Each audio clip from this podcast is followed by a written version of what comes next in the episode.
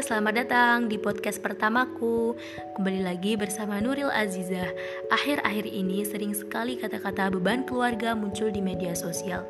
Oh iya, ada pesan nih dari autor ganteng sumpah. Untuk dirimu yang sedang merasa bahwa kamu adalah beban keluarga Enggak kok, kamu bukan beban keluarga. Aku tahu kamu peduli dengan keluargamu, kamu ingin membantu mereka, tapi dirimu masih dalam kondisi yang tidak bisa membantu banyak.